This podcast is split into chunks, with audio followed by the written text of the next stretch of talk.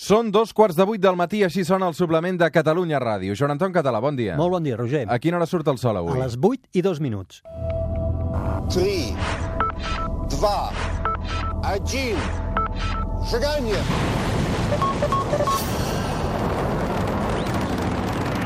One small step for man, one giant leap for mankind. A aquesta hora al suplement sempre ens fixem amb el cel. En parlem amb el Joan Anton Català, màster en astronomia i astrofísica, químic quàntic, autor de diversos assajos i autor també d'aquest espai al suplement que hem batejat com la Terra és plana. Però avui, Joan Anton, tot bé? Tot en ordre? Sí, sí, sí, tot bé, tot Ara bé. passa allò que cada dia el sol surt una mica més tard. Sí, li costa igual que a mi, cada cop li costa més llevar-se. Sí. Costa una mica més llevar-se fins que no fem allò del canvi d'horari, que suposo que algun dia s'ho acabaran carregant. Sí, jo penso que l'any que ve ja estarà carregat. L'any que ve ja estarà carregat, però en principi, de moment, el sol que costa de veure encara. Exacte. Eh? Avui no parlem de la Terra, parlem de la Lluna. ¿Estás segura? Sí. Será una aventura. El primer hombre en pisar la luna. ¿No está mal? Hemos escogido un trabajo tan difícil y requiere tantos desarrollos tecnológicos que vamos a tener que empezar de cero. Això que sentim és el tràiler de First Man, nova pel·lícula sobre Apollo 11, protagonitzada per Ryan Gosling, que interpreta el paper de Neil Armstrong. En aquest cas es torna a juntar amb el director de La La Land, Damien Chazelle, tots dos una altra vegada junts. Aquí la pregunta és clara. Realment l'home va arribar a la Lluna, Joan Anton, o no va arribar a la Lluna? Eh, definitivament sí, i ha, tenim moltes proves. Aquesta és la pregunta que sempre em fan constantment. Eh, Sí, eh, evidències claríssimes. La Xina hi ha anat, la Índia hi ha anat, els russos, els japonesos... Només faltes tu per trepitjar-la. No, trepitjant només ho han fet els americans, però Ah. aquests que hi han anat, eh, hi han anat amb robots i sondes i tal, i tots ells s'han pogut fotografiar tot allò que vam abandonar quan hi vam anar, la, quan els americans hi van anar. I després hi ha una cosa curiosa, els americans també, quan hi van anar, van instal·lar uns grans miralls, no perquè els habitants de la Lluna es miressin, sinó perquè enviem làsers contra els miralls que reboten, Ah. i així és la forma com calculem a, a la precisió absoluta la distància Terra-Lluna i com aquesta distància va variant. Ja em diràs si no hi hem anat, qui ha posat aquells miralls. Potser ja hi eren. Mhm. D'acord, doncs eh, queda el tema resolt. Um, una cosa, tens esperances amb aquesta pel·lícula o no? Sí, eh, jo el tràiler que he vist m'ha agradat. El tràiler que he vist a mi m'ha agradat. Eh, cada cop hem de pensar que les pel·lícules tenen més assessorament científic. Hi ha precedents, com la pel·lícula Apolo 13, que és fantàstica, on va, és molt fidel. Bueno, evidentment hi ha alguna part que l'espectacularitat de ser una pel·lícula han exagerat una mica, però és molt fidel al que va passar. Eh, hi ha altres precedents com aquesta famosa Hidden Figures, no? la figures ocultes, que és de la història inicial de la, de la NASA eh, amb el paper de les dones de color, que també és molt, molt fidel al que va passar. Per tant, jo penso que aquestes pel·lícules sí que busquen l'espectacularitat, però tenen assessoraments cada cop més més potents. Jo, jo sí que hi confio bastant. Doncs aquest és l'apunt d'actualitat. Encara no l'has vist, eh? No, no, no, no. Ho tens apuntat per aquest Està a la diumenge a la tarda o per quan sigui. Sí, a la llista. First Man, nova pel·lícula sobre Apolo 11, va arribar aquesta setmana al cinema, la tenim pendent, però avui el tema que ens ocupa a la Terra es plana són els exoplanetes.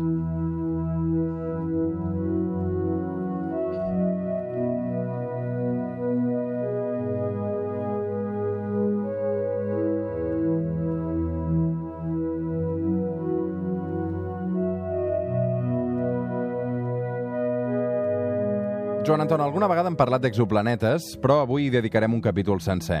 D'entrada, quina és la diferència entre un exoplaneta i un planeta?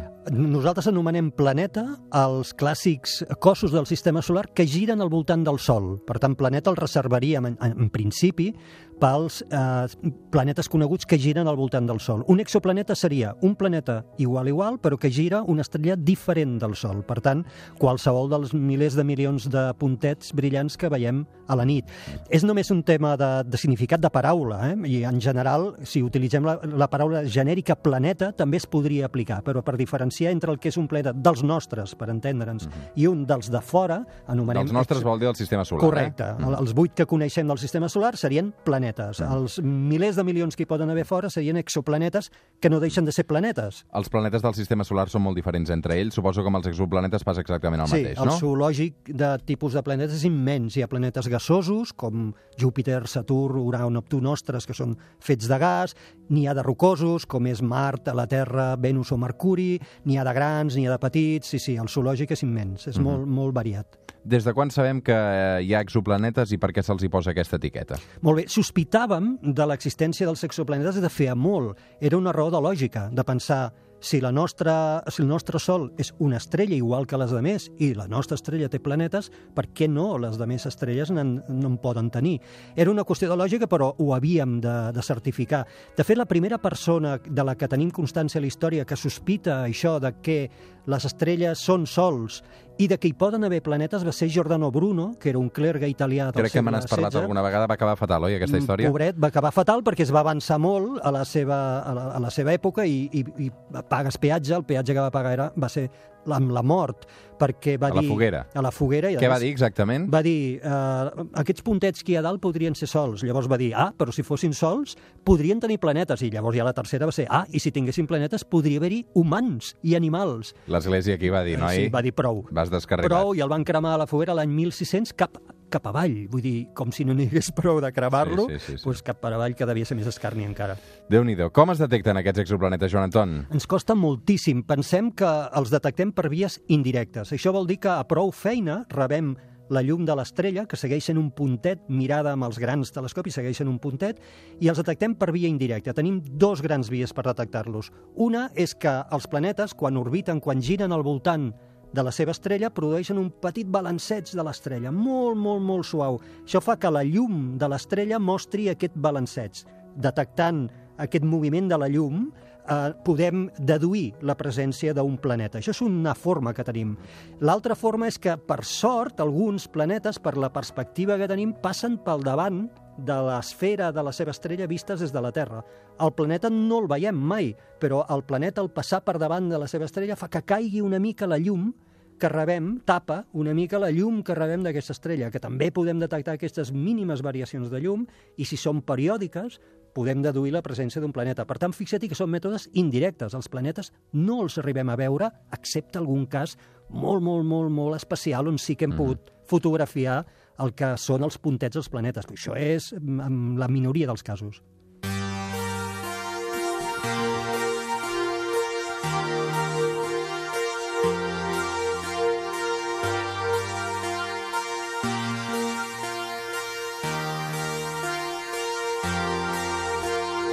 Avui al suplement, a l'hora que surt el sol, el Joan Anton Català ens explica que la Terra és plana. Avui els exoplanetes... Quants n'hem detectat exactament de moment, Joan Anton? Mira, eh, vaig actualitzar fa poc la xifra perquè va creixent la tecnologia que Portes tenim. tu el compte, veig, eh? Sí, sí, el porto jo. De fet, em consulten a mi quan volen saber quants em porten, perquè es descompten. Llavors en portem sobre uns 5.300, No està malament. dels quals eh, 2.000 i pico estan encara pendents de confirmar. Vol dir que són sospites de que són exoplanetes, de que són planetes, però necessitem encara la confirmació. 5.300, per tant. A la galàxia, això vol dir? Re, fixa't, si tenim a la galàxia nostra, calculem 400.000 milions d'estrelles, que és més o menys el que calculem, sí. i en aquest moment els científics estan dient que per terme mig una estrella té un planeta, n'hi ha que en tenen 8 com la nostra, n'hi ha que no en tenen cap, per terme mig un, vol dir que només a la nostra galàxia estaríem parlant de mig bilió de planetes, mig bilió, i en portem 5.300, per tant, imagina't. Tenim feina encara, Sí. eh? Uh, hi ha sistemes estel·lars en què els planetes encara s'estiguin creant? Sí, afortunadament, clar, fixa't, si nosaltres haguéssim de seguir la vida d'una estrella, eh, seria impossible. Les estrelles viuen milions d'anys, mai podríem seguir l'evolució d'una estrella. Afortunadament, com que n'hi ha tantes, sempre en capturem a, mm moltes a diferents edats, a diferents etapes de la seva evolució. Per tant, també n'estem veient estrelles joves que es- fa poc que s'han format i que estan formant en aquest moment planetes. I veiem el disc, la nebulosa de material, la veiem, vull dir, deduïm que hi és, eh? Uh, I en alguns casos fins i tot l'hem arribat a fotografiar, alguns pocs casos, i veiem planetes que s'estan formant en aquest moment. I ara la pregunta del milió. Hi ha vida en aquests exoplanetes? Ah, mira, ja m'agradaria poder-la contestar. De fet, Sí, perquè et faries eh, el científic més important del món, no? Sí, això, i a més seria feliç per poder haver contestat una gran pregunta que m'amoïna des de fa molt de temps, si, si estem Mm. sols.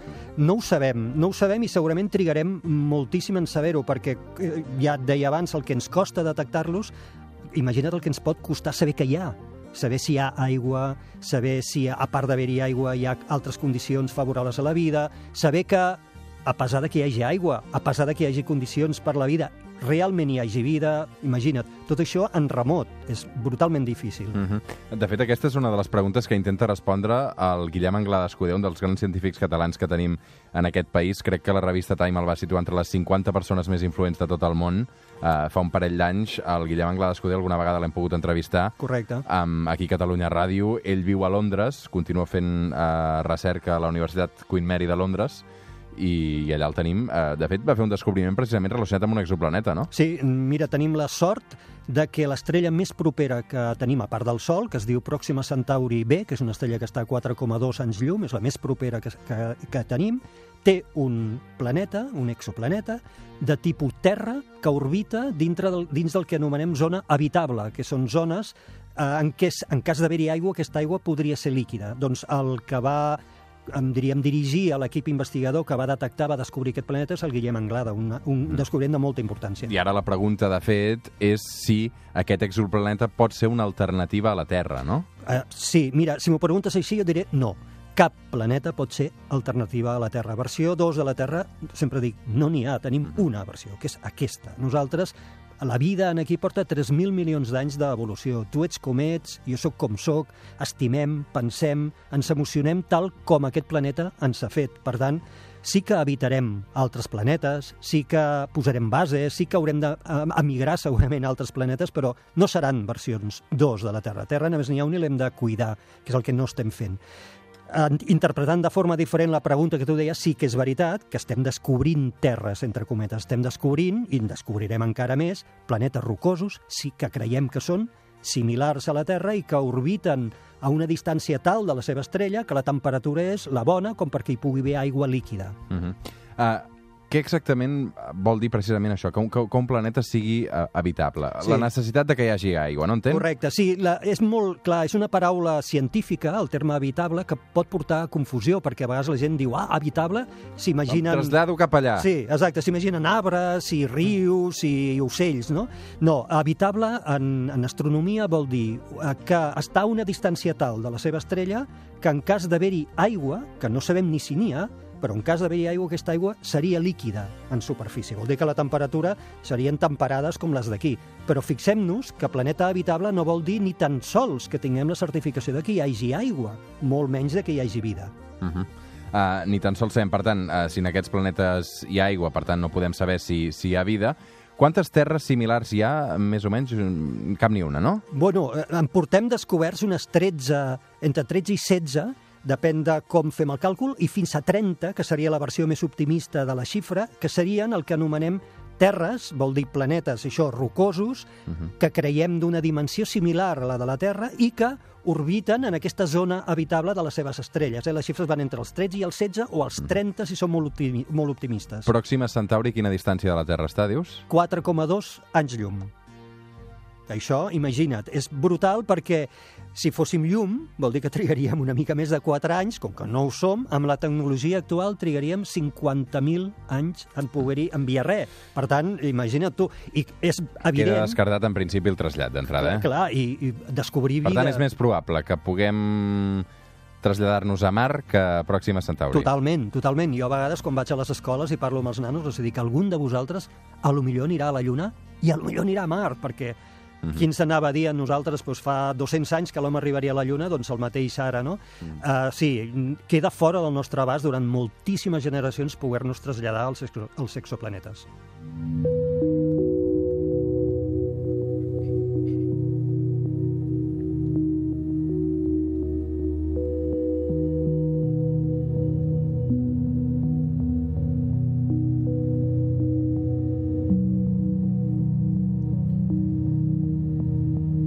Avui el suplement a la Terra es plana amb el Joan Anton Català, els exoplanetes.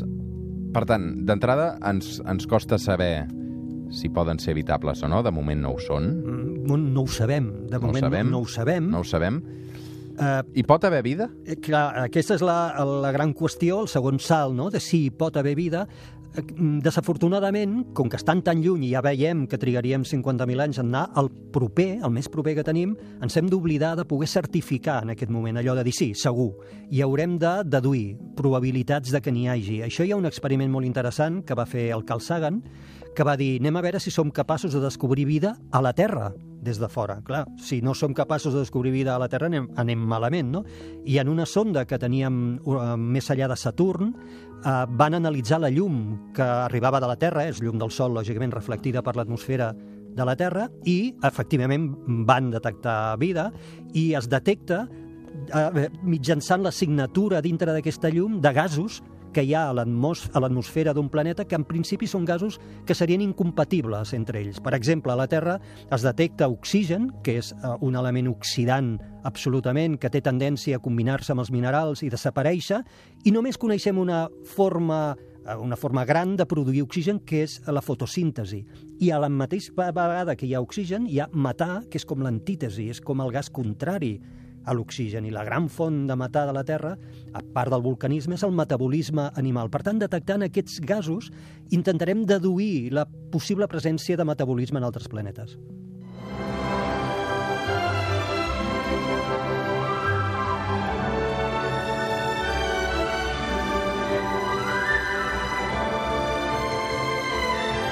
De fet, aquesta és també la gran pregunta de, de tots els científics, si hi ha vida extraterrestre, no? Clar, l'estem buscant, l'estem intentant escoltar, com m'agrada dir a mi, tot i que no so, eh, la que estem esperant radiotelescopis, esperant orelles, a rebre senyals, volgudes o no. A tu, per, uh, ara hi ha una altra pel·lícula que suposo que sí que vas veure, uh, The Arrival, La llegada. Sí, sí. Què tal? Aquesta està molt bé, però si em preguntes per pel·lícules de Ah. búsqueda de vida intel·ligent i tal... E.T.? No, no, no, no, ah. no, no, no. Contact. Ah. Contact és la pel·lícula. Sí, no l'he vist, aquesta, la tinc pendent. eh, Ah. Ve d'un llibre que va escri- escriure el Carl Sagan. Per Ah. tant, tot l'armament científic que hi ha al darrere és brutal. És una pel·lícula fascinant que he vist mm, 20 vegades. Sí? Eh, Me, aquesta me l'apunto. No, però uh, The Arrival crec que fa un parell d'anys que va sortir sí, i em va impactar bastant. Sí, eh, n'hi ha d'última part que n'han sortit, hi ha aquesta, hi ha, no sé si aquesta mateixa que és la de la lingüista, hi ha una pel·lícula que és una pel·lícula que... Aquesta és uh, la lingüista, la, la, Ah. és The Arrival és, la lingüista. Sí, vale, sí, sí. vale, sí. Pues aquesta està força bé, Mhm. hi ha Interestelar, que també Sí, està sí, molt sí, bé sí. des del punt de vista de la...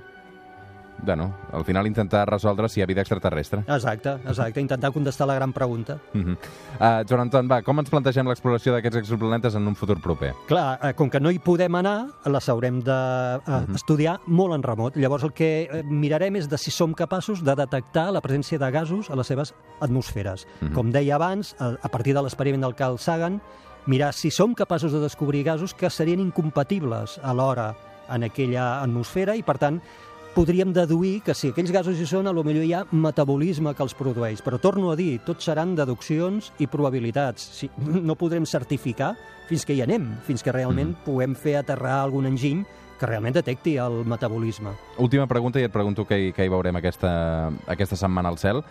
Si hi ha exoplanetes, hi ha exollunes o Sí, no? sí, sí. També? Eh, també Carai, per, per distrets, sentit tu, comú, el que dèiem, clar, si hi ha planetes, perquè en el nostre sistema solar, ara farem de Giordano Bruno, Sí. no, espero que no ens cremin, Això vol dir que haurem de dedicar un capítol sencer també a les exollunes? Home, potser encara no, perquè Ah. en portem descobertes molt poquetes. De fet, només tenim quatre sospites i un descobriment que justament fa dues setmanes va sortir a la premsa, eh, que el telescopi espacial Hubble va, va, té indicis, o ja ha enviat dades, que quasi demostren, s'ha d'acabar d'analitzar, eh, la presència d'una exolluna al voltant d'un planeta a uns 4.000 anys llums d'aquí.